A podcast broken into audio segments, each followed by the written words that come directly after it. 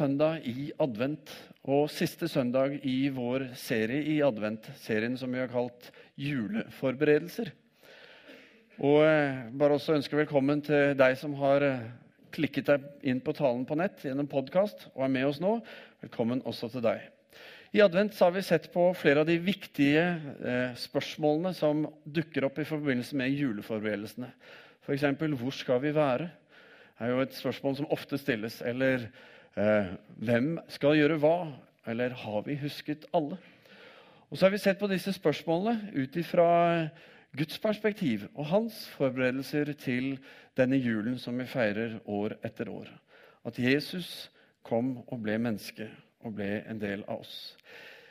Og I dag så skal vi ta fatt på et tema som jeg tror vi gutta kjenner spesielt til som eh, vi kjenner ekstra spesielt nå som det nærmer seg bare er noen dager igjen. For det er denne gaveproblematikken.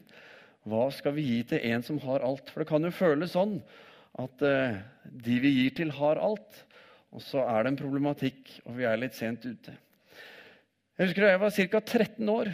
Jeg antar at det var omtrent da. så... Uh, var det første juledagsmorgen, og siden vi hadde bodd noen år i USA, så hadde vi en vane at uh, Første juledagsmorgen så gikk vi ned, og så var det en ekstra gave liksom, som lå oppi denne sokken, julestrømpa, som da hang nede i stua. Så husker jeg kom ned og liksom tenkte hva er det som ligger her i år? Så tok jeg hånda nedi, og så var det en plastikkpose, og den var kald. Og Så tok jeg opp denne posen. Og oppi der så fant jeg til min overraskelse noe jeg ikke hadde fra før. Og Det var et frossent og dødt ekorn. Nå hører du med til historien at uh, unge Øvergård hadde en gang sagt at han ønsket seg et utstoppet dyr. Og at far hadde gjennom en jaktvenn uh, fått tak i dette ekornet, men bare ikke rukket å få det stoppet ut. Og da kan det jo føles helt logisk å putte den oppi en julesokk til sin unge lovende.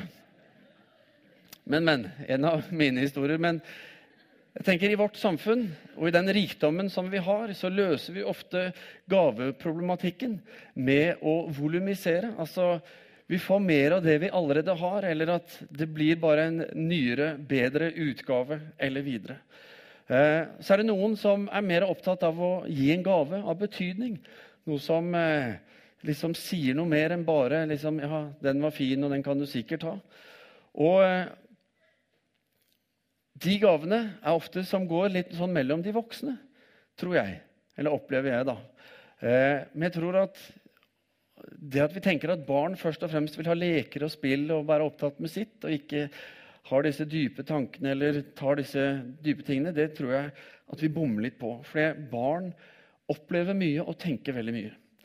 For jeg glemmer aldri da min datter Ingrid Sofie, som dere her ser sammen med sin farfar Her var hun omtrent fire år gammel. Eh, og da hun var i denne alderen, så hadde hun fått en oversikt over sine oldeforeldre. Kommet så langt. Og En dag så står hun i stua der vi bodde i Drammen, så står hun ved pianokrakken, hvor stoffet var vevd av oldemor Bergljot Andrea. Så står hun med den, og oppå pianoet så står dette bildet av eh, oldemor eh, Magni Josefine og oldefar Ole Theodor. Og så står unge jenta på fire år, og så strigråter hun. Og hun er utrøstelig. Og Vi kommer ikke til, vi skjønner ikke hvorfor gråter du. Hun bare gråter og gråter og gråter, og etter hvert så finner vi ut at disse har hun aldri fått møte. Og så er hun bare overveldet av sorg. Og pastoren kommer inn og forteller om himmelen, og vi prøver liksom alt for å trøste denne unge jenta. Men det var tydelig at her var det noe som virkelig rørte ved strenger i henne. Hun tenkte at dette betydde noe. Gaver med mening betyr som regel noe ekstra og treffer oss mye dypere. Det at vi ikke bare har kjøpt noe, men at vi har lagt noe ekstra i det, det når alltid litt dypere og lengre i oss. Til deg som ennå har et par-tre dager igjen før julaften og ikke har fått kjøpt gavene, så husk at det er ikke sikkert det skal så veldig mye til. Kanskje bare det å bekrefte noe eller å forsterke noe kan gjøre susen. Det kan f.eks. være å gi en ønsket endring. F.eks. å si 'Jeg vil gi mer av min tid'. 'Jeg vil gi deg mer oppmerksomhet'. Jeg vil være mer hjemme. Det kan være ektefeller imellom, det kan være fra, fra foreldre til barn osv. Men det å gi av seg selv er alltid mer meningsfylt. Så det kan være tips til den som har alt. Den nære relasjonen er alltid det beste. Men la oss bevege oss da over i juleevangeliet. Gud blir menneske. Han gir en meningsfylt gave til alle mennesker, fordi han gir seg selv. Han gjør endringer for at vi skal få den beste gaven. Paulus sier det i Filipperne 2 om Jesus at Jesus ga avkall på sitt eget. Han tok på seg en tjeners skikkelse, og så ble han mennesker lik. Gud selv, den allmektige skaperen, kongenes konge, han legger sin majestet og sin guddommelighet til side.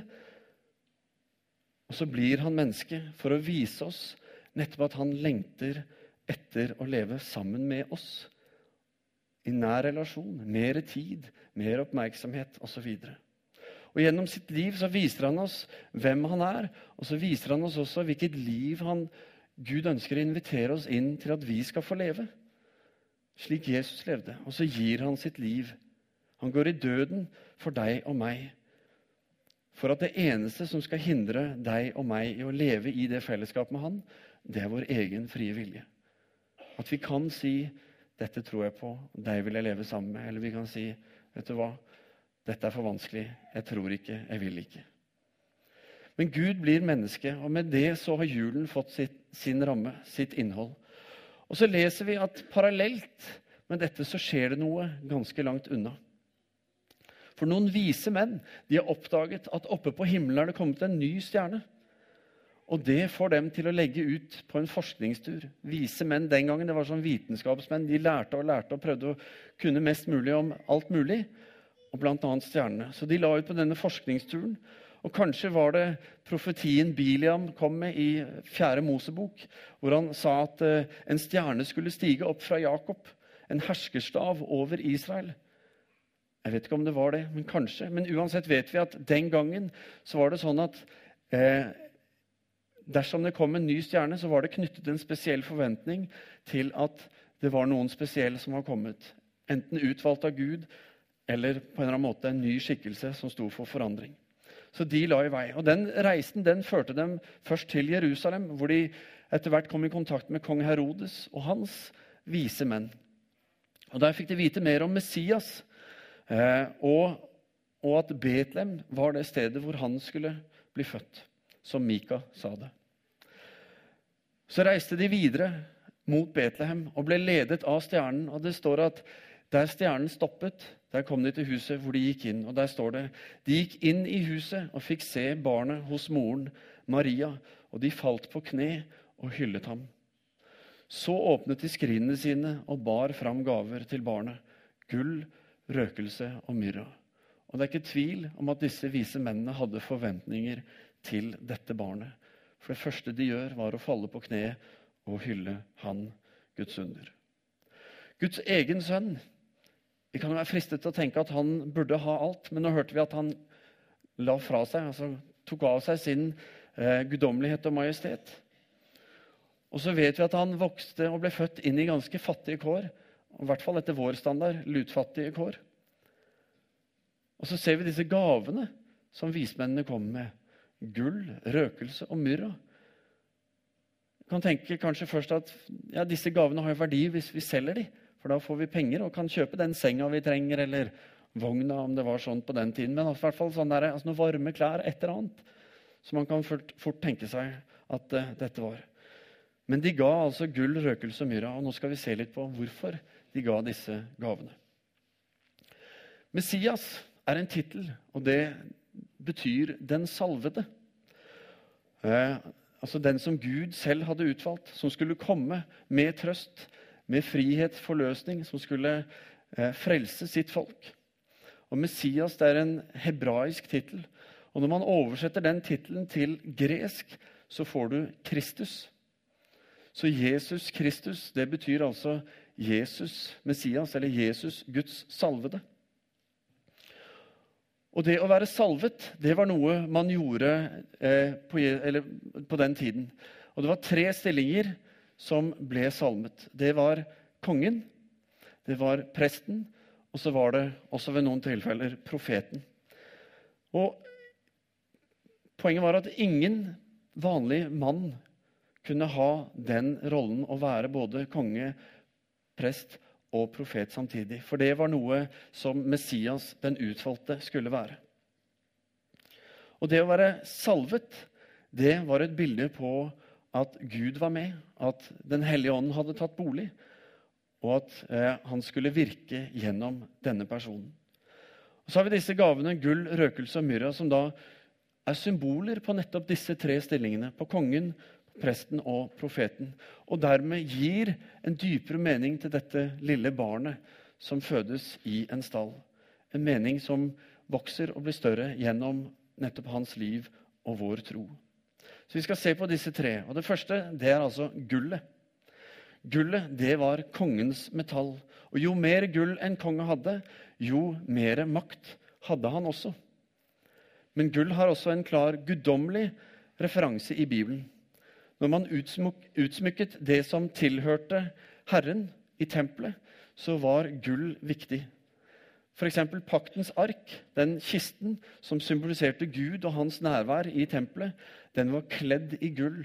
Og mye av det som ble brukt, ble kledd i gull for, fordi det handlet nettopp om Gud og hans nærvær. Og gull som gave det pekte også på at her var det en majestet til stede. Og selv om da Jesus hadde gitt avkall på alt dette, så er nettopp det at de vise menn kommer med denne gaven, en slags bekreftelse på at dette er allikevel kongenes konge og herrenes herre som har steget ned, og som ligger her i krybben. Apostelen Peter han skriver i sitt første brev om gullets symbolikk i forhold til troen vår. I første brevet sitt så sier han slik blir troen deres prøvet. Selv forgjengelig gull blir prøvet i ild. Troen, som apropos er mye mer verdt, må også prøves så den kan bli til pris og herlighet og ære for dere når Jesus Kristus åpenbarer seg.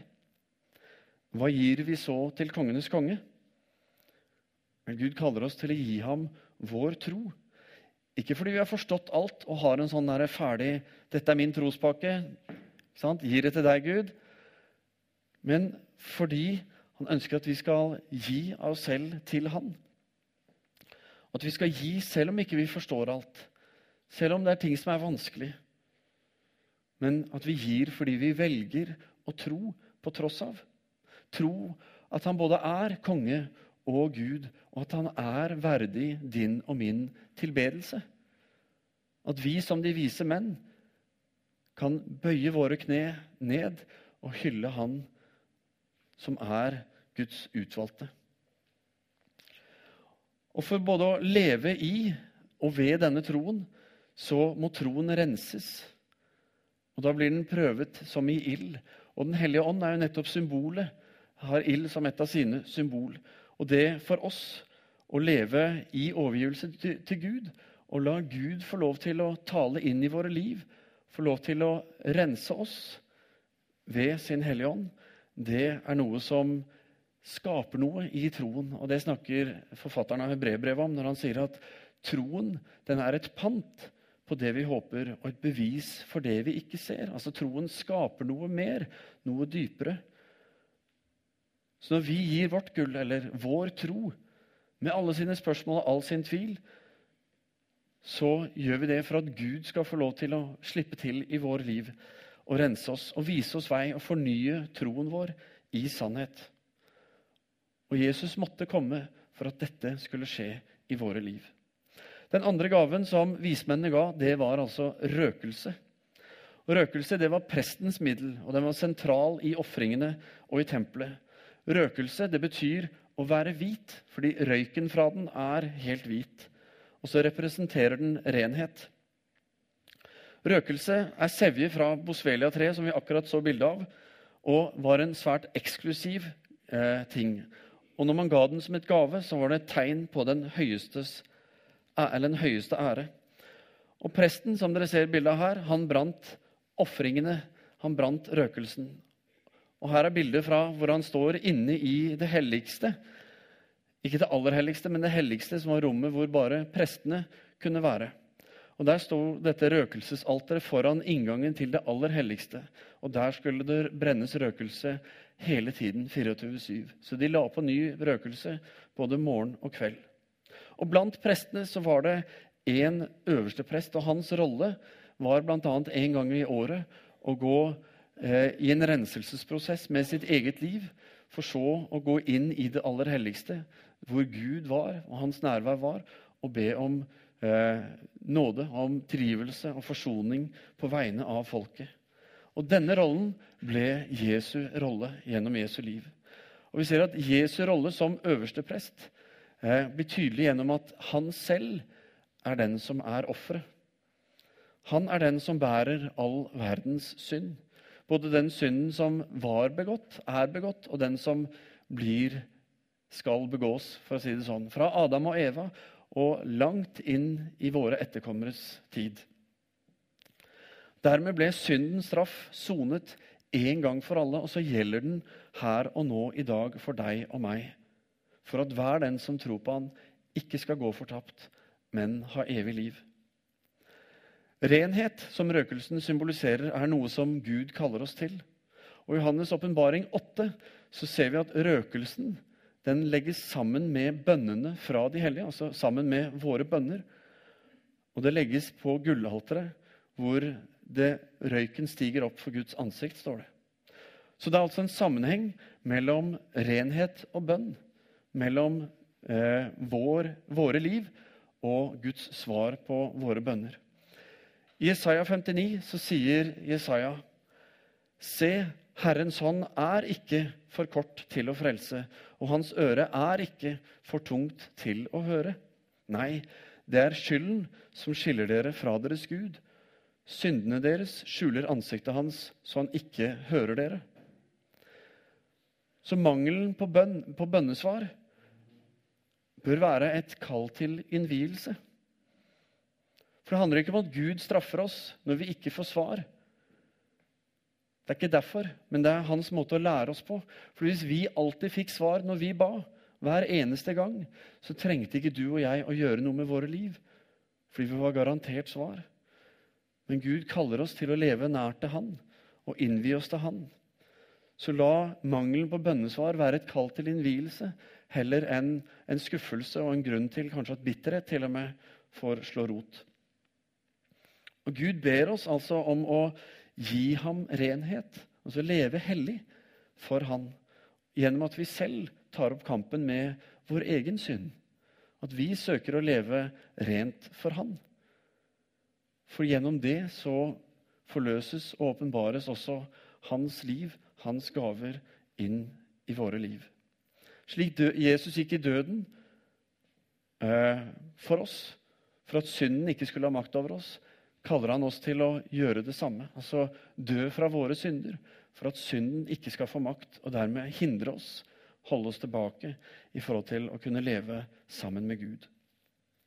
Og Den siste gaven som vismennene ga, det var altså myrra. Myrra var på mange måter profetens middel. Eh, fordi profeten han ble ofte en martyr, eller opplevde mye lidelse pga. den tjenesten han hadde. Profeten han var den som kom inn og sa du må endre livet ditt. Det er ikke bra sånn du lever. Du må omvende deg.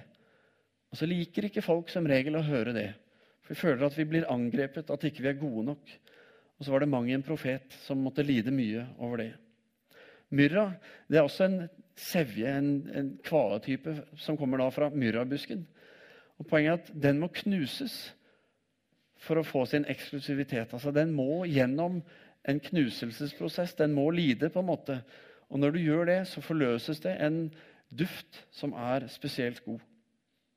Myrra det ble brukt i balsam, altså når man balsamerte de døde. Det ble brukt eh, i salvingsoljen, og så ble den også brukt som smertestillende middel. Så myrra det vitner om kall, det vitner om smerte og lidelse, og så vitner det om død. Gaven myrra peker på Jesu kall til å frelse verden fra synd. Syndens lønn er døden, sier Paulus. Og Jesus selv han profeterte om sin egen død flere ganger. Blant annet sa han i Matteus 12.: For slik profeten Jonah var i buken på den store fisken i tre dager og tre netter, slik skal menneskesønnen være i jordens dyp i tre dager og tre netter. Og i Johannes 2 sa han, riv ned dette tempelet, og jeg skal reise det opp igjen på tre dager. Og det var altså ham selv han snakket om. Fire ganger i Det nye testamentet så møter vi på myrraen. Første gangen er når de vise menn kommer med gaven til Jesusbarnet. Den andre gangen er like før de fester altså Jesus til korset. Så blir han tilbudt i et av evangeliene eh, eddik med myrra blandet inn som en smertestillende middel for å hjelpe han. Og så eh, ser vi at når de balsamerer han og gjør han klar til å bli lagt i graven etter at han er død, så er det myrrabalsamen de bruker. Og sist, men ikke minst, så finner vi eh, myrra i eh, Smyrna. Byen Smyrna, som er det gre, eh, greske navnet for myrra. Smyrna er den ene av de syv menighetene i Johannes' åpenbaring. Og Aleksander den store, altså den store keiseren, han eh, designet denne byen. Han bygde den opp og var en av to byer totalt som han starta fra scratch. Og Denne byen fikk navnet Myrra, for den skulle være en velduft, et slags testamente over hans storhet i den tiden. Og I åpenbaringen sier Jesus til menigheten i Smyrna, eller Myrra om du vil, sier han i kapittel 2.: Jeg vet om dine trengsler, om de trengsler du må lide, og hvor fattig du er. Men du er rik sier Jesus. Og dette var en menighet som eh, opplevde forfølgelse fra Rom. En ganske brutal og rå forfølgelse til tider. De kristne, kristne de levde under en konstant trussel. Ikke ulik den som de kristne i Syria og Irak har måttet gjennomgå gjennom ISILs herjinger, herjinger det siste året. Men i menigheten i eh, Smyrna så hadde du en prest som het Polykarp en prest som eh, apostelen Johannes eh, utnevnte til biskop. Han ledet menigheten der. Og Så var det en dag under en av de store arrangementene i Smyrna sitt kolosseum, hvor folkemassene hauset seg opp og ville ha mer action, mer blod. Så de begynte å rope 'Død over de kristne'. Død over de kristne. Og Da var det tusenvis av mennesker som står og roper dette.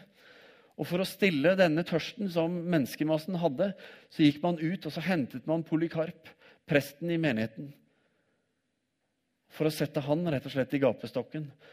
Og Så forteller historien at de sa til Polykarp sa de, Polykarp, vi vet du er en gammel mann, og det er ingen her som har lyst til å ta livet ditt. Så om du bare frasier deg troen din, om du bare vil bekjenne at keiseren er herre, så skal du få leve.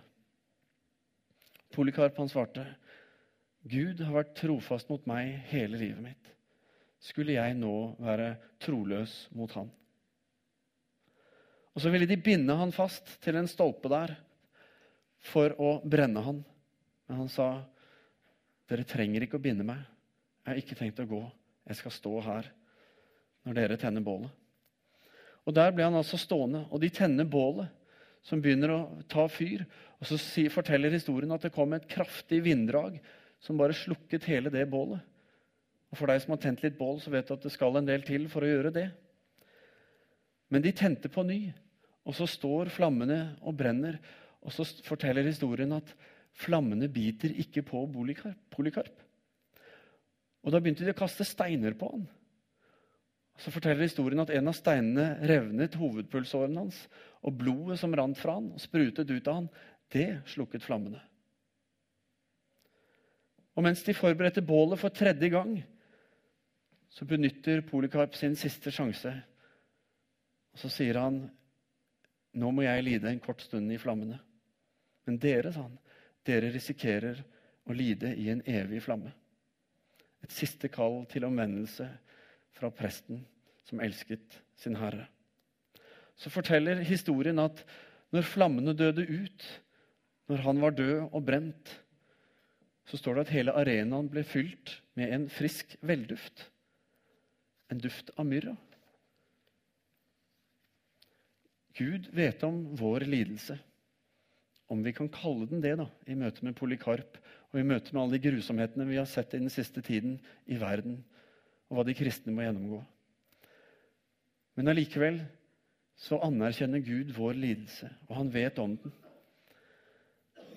Så sier han til oss, og det er så viktig for oss å ta imot og forstå og gjøre noe med, for han sier jeg vet du er fattig, og jeg vet at du må lide, men du er rik.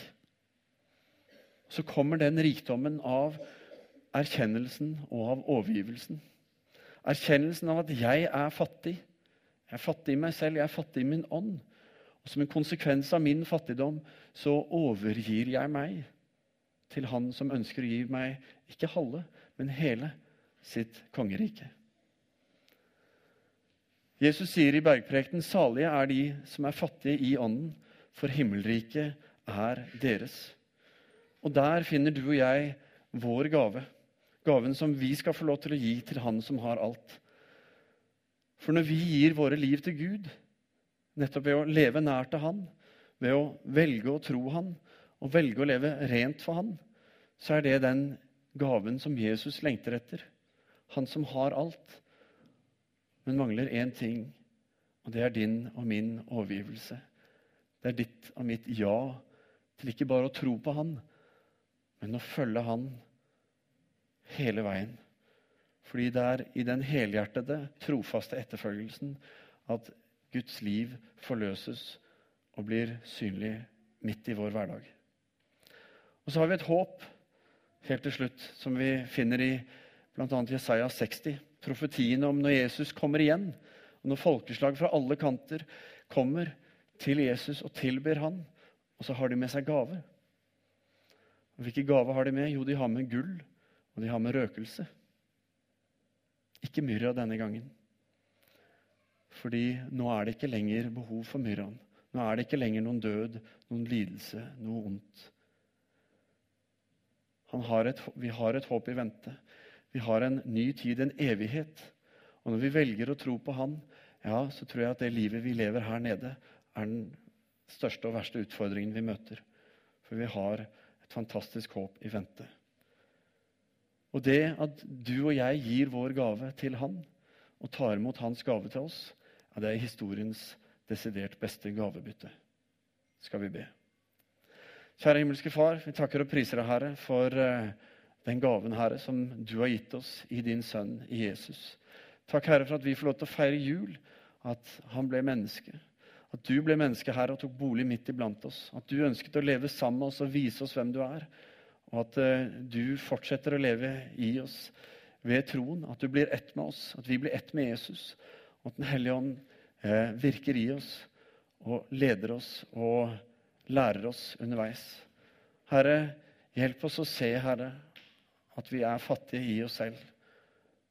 Men at vi samtidig er rike, Herre, fordi du gir oss og har gitt oss ditt rike. Din sannhet, ditt liv, din frelse. Så Herre, tal til oss, Herre, nå denne julen. Og la oss få se enda mer og forstå hva du har gjort for oss, hva du presenterer, og hva vi skal få lov til å ta imot når vi gir vårt liv til deg. Herre, velsigne oss hver og en. Herre, ikke la oss slippe tanken og troen og håpet om at ja, vi er rike. At når vi kommer til deg, Herre, så får vi se mer og mer av den rikdommen alt du har kommet for å gi oss. Og Det takker vi deg for, og det priser vi deg for, Herre. I Jesu navn. Amen. Da